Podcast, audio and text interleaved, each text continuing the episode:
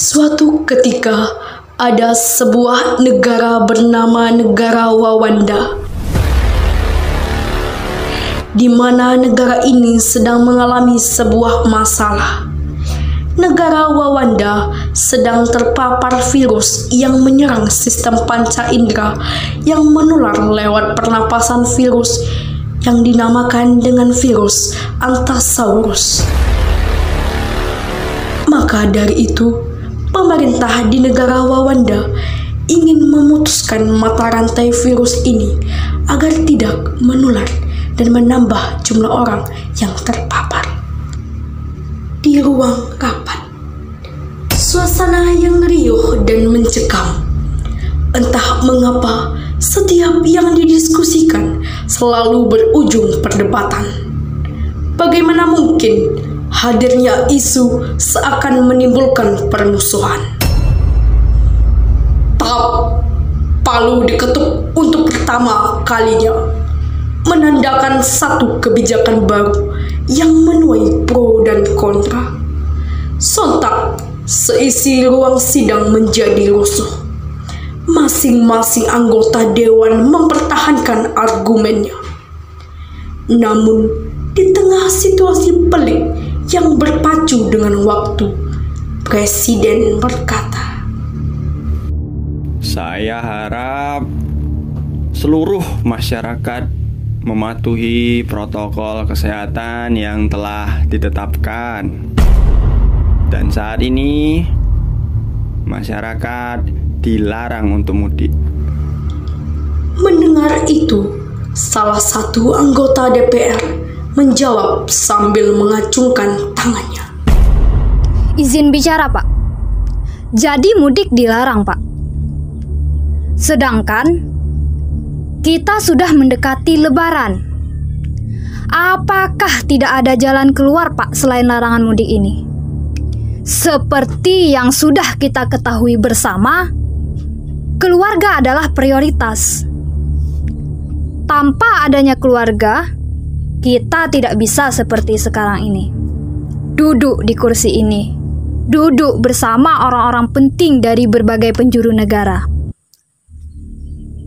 Bagi saya, keluarga adalah tempat pulang saya, berlindung saya, tempat beristirahat saya, pendukung saya, dan keluarga tempat saya berbagi kasih dan sayang.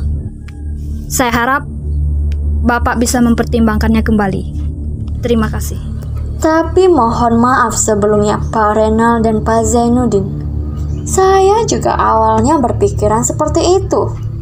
Namun di sisi lain, kita juga harus memikirkan apa dampak positif dan negatif yang ditimbulkannya. Di satu sisi, kita juga harus memikirkan, misalnya, ketika saya mudik naik bus, lalu di dalam bus itu banyak orang yang tidak saya kenal, entah mereka asal dari mana dan mau ke mana. Sesampainya di kampung halaman, saya merasa baik-baik saja Selang satu hari, ternyata salah satu anggota keluarga saya terpapar virus antasaurus ini. Nah, kita tidak tahu virus itu nyangkutnya dari mana. Dan justru ini sangat membahayakan sekali bagi keluarga kita sendiri. Memang yang dikatakan Pak Iskandar itu benar. Kita harus memikirkan dampak positif dan negatifnya. Yang menjadi pertanyaan saya, apakah masyarakat akan terima dengan keputusan ini? Belum lagi di tengah situasi pandemi seperti ini, banyak masyarakat yang terkendala akan ekonomi, dan di sini akan berdampak pada supir-supir travel maupun angkutan umum lainnya. Dengan apa mereka menafkahi keluarganya? Jika terus-terusan larangan ini diberlakukan, kita juga harus berpikir panjang untuk ke depannya. Bagaimana langkah apa yang kita ambil, solusi apa yang kita ambil. Jika benar ini adalah keputusan yang tepat, sedangkan di negara Wawanda ini masalah perekonomian masa ke masa semakin meningkat. Akankah pemerintah bisa mengayomi masyarakat dengan jumlah puluhan, ribuan, bahkan berjuta-juta jiwa yang harus dinafkahi? Dan saya juga sudah melakukan pendataan dan tercatat satu kepala atau satu jiwa memiliki hutang nominal sebesar 72 miliar. Coba bayangkan, sejak kita belum dilahirkan sudah memiliki hutang sebesar 72 miliar. Dan bagaimana mungkin jika perekonomian yang sangat minim ini terus meningkat? Pemerintah tidak akan sanggup menanggungnya. Lalu, konsekuensi apa yang akan diterima oleh pemerintah? Dan tentunya kita juga akan menerima dampaknya.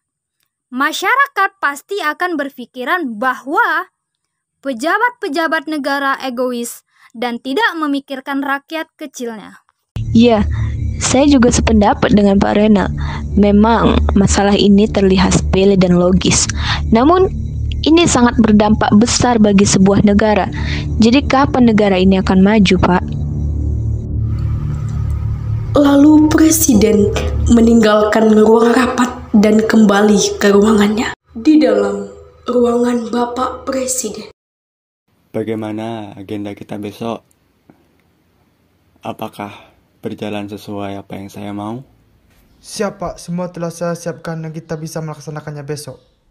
Ingat, agenda ini sangat penting agar semua yang sudah saya siapkan berjalan dengan baik. Jadi pastikan semua benar-benar terlaksana dengan sempurna. Baik Pak, Di sebuah warung makan, masyarakat menyaksikan pengumuman larangan mudik yang telah diputuskan oleh pemerintah. Ah, busedo on. Sudah na hagit ni halai. Tak indah memikirkan rakyat. Semenjak buseng hagi matahan hidup. Tak mata pencerahan ni hai mate. Padahal, on ma waktu na hagi mendapat untung di waktu ni mudikon. Yo bu, batua. Keluarga Ambo butuh makan. Kalau travel ndak jalan, Mbak Acar Ambo menafkahi keluarga Ambo. Itu kan demi kesehatan kita. Kita harus patuh. Pasti Uwandu ala memikirkan hal itu. Jadi, awak harus ikut kebijakan yang alainya, Bu. Jen mudio. Yalah, jen mudio oleh. Dan setuju dan yo. Tapi kan bu, kita kangen karo keluarga. Mukor iso ketemu setahun sekali kan. Wong tua nang kampung saking bahagia, angger anak-anaknya balik. Tapi angger dilarang mudik koyo ngene, ya pasti wong tua sakit sedih. Sejak ditetapkannya peraturan larangan mudik dari pemerintah, kekacauan terus terjadi dan media terus meliput perbincangan mengenai larangan mudik ini. Di Pulau Naga. Dan keesokan harinya, tibalah saat di mana agenda yang Bapak Presiden rencanakan itu terlaksana. Bapak Presiden berangkat keluar kota menuju sebuah pariwisata yang ternyata di sana telah mengundang banyak reporter media TV untuk meliput semua kegiatan di sana. Dan pada liputan itu memperlihatkan bahwa Bapak Presiden sangat mengedepankan kepentingan rakyatnya serta sangat memikirkan rakyatnya. Selamat siang pemirsa, saya Cahya melaporkan. Saat ini saya sedang berada di Pulau Naga dan saya sedang bersama Bapak Presiden kita serta rombongannya. Selamat siang Bapak. Siang. Sebelumnya saya ingin bertanya, apa alasan Bapak berkunjung di wisata ini di tengah pandemi ini, Pak?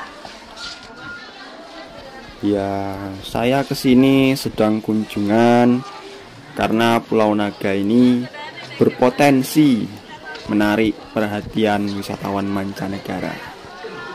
Dan pada saat wisata ini dikembangkan, wisatawan dari mancanegara banyak yang datang dan hal ini bisa membantu membangkitkan ekonomi kita.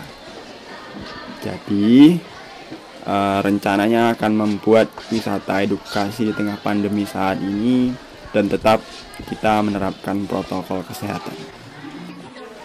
Tapi Pak, bukankah itu akan mengundang semakin bertambahnya jumlah orang yang terpapar virus Anthracosaurus ini karena akan banyak wisatawan yang berdatangan dari luar negeri, Pak? Iya, Pak. Lalu apakah ada tujuan lain dari Bapak bersama rombongan ke sini, Pak?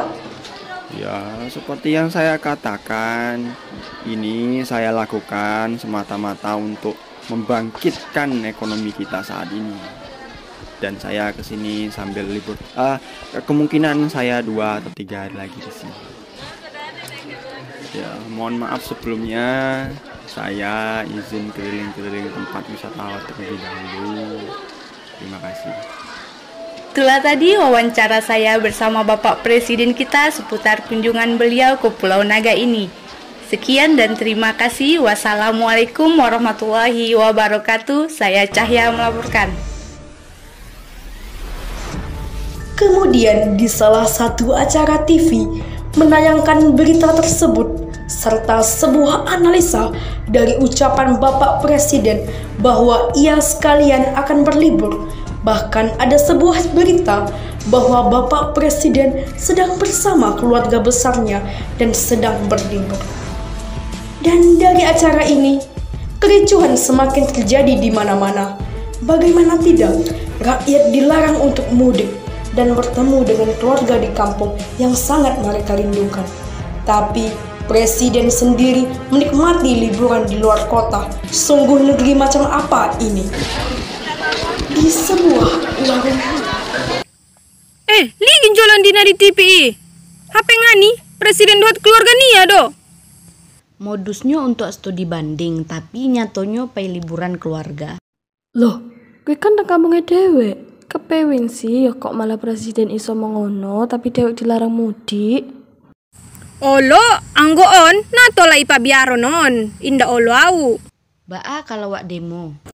Anggo i, olo dawi, mulo perlu, ita pamorot kale sude nasa suka-suka niai. Dungi, ipa ijur jabatan na. Yo, dewek harus demo. Dewek kumpul na kabeh warga, lan bareng-bareng dewek mau pulau nogo, kita harus bersatu karo mahasiswa. Sebuah unjuk rasa sedang terjadi di Pulau Naga. Mereka menuntut sebuah keadilan demi bertemu dengan keluarga di kampung dan demi mewujudkan impian kedua orang tua agar bisa berkumpul bersama putra-putrinya. Tegakkan keadilan! Tegakkan keadilan! Turunkan penguasa! Turunkan penguasa! Kami menolak keputusan pemerintah! Kami menolak keputusan pemerintah! Tenang, tenang! Tidak ada kekerasan, tenang. Semuanya diharapkan bubar. Selamat siang pemirsa, saya Zahra melaporkan dari Pulau Naga, di mana di sini sedang ada Bapak Presiden beserta rombongan.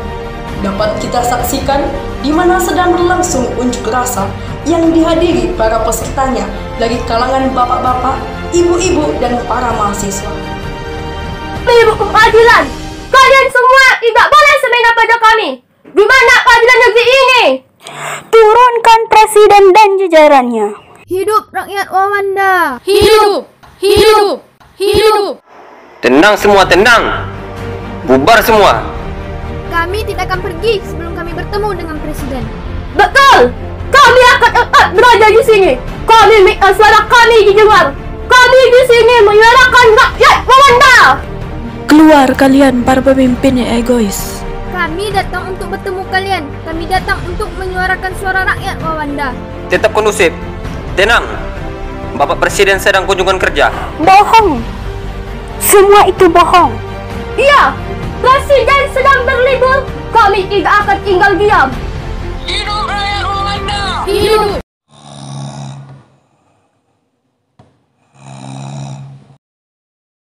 Ah hahaha. Ah hahaha. Wala, ini anak ketawa sambil tutup mata. Ketawa atau tidur sih, Matt? Eh, bangun, bangun. Bukannya bantuin emaknya jaga warung, malah enakan tidur. Eh, bangun, bangun. Aduh, aduh, sakit, Mak. Emak kok pukul-pukul komet? Kenapa sih? Kamu ya, Matt, siang-siang bolong gini ketawa kayak kuntilanak. Kenapa sih? Ini, Mak, komet mimpi. mimpi jadi presiden. Hah? Jadi presiden? Olah, dada aja ini anak. Iya, Mak, betul. Ternyata enak ya jadi presiden. Kita bisa sesuka hati membuat peraturan tanpa memperdulikan rakyatnya. Apabila ada rakyat yang demo atas kebijakan kita, kita pura-pura acuh tak acuh saja. Kan kita yang punya kendali. Matt, Matt, mimpi kamu itu bagus banget mau jadi seorang presiden. Makasih jempol deh. Tapi nih Matt, seorang penguasa itu harus memikirkan rakyatnya. Tidak boleh sembarang mengambil keputusan. Jangan sampai nih ya, keputusan yang kamu buat tidak kamu kerjakan, malah diingkari. Ingat ya, Matt, semua yang kamu perbuat akan dimintai pertanggungjawabannya nanti. Ingat juga, jangan senangnya aja yang dipikirin, pikirin juga tanggung jawabnya. Iya, Mak. Insya Allah, Komet akan terus ingat nasihat emak. Telah terjadi banyak kekacauan di sebuah negara hanya karena sebuah keputusan yang diambil oleh seorang pemimpin yang seharusnya menjadi wadah bagi rakyatnya dan tempat bagi rakyatnya untuk mewujudkan cita-cita di dalam sebuah negara. Pemimpin dipilih oleh rakyat untuk mewakili keinginan para rakyat bukan malah melakukan kehendaknya sendiri demi sebuah kepentingan dan mengorbankan rakyat yang telah mempercayai.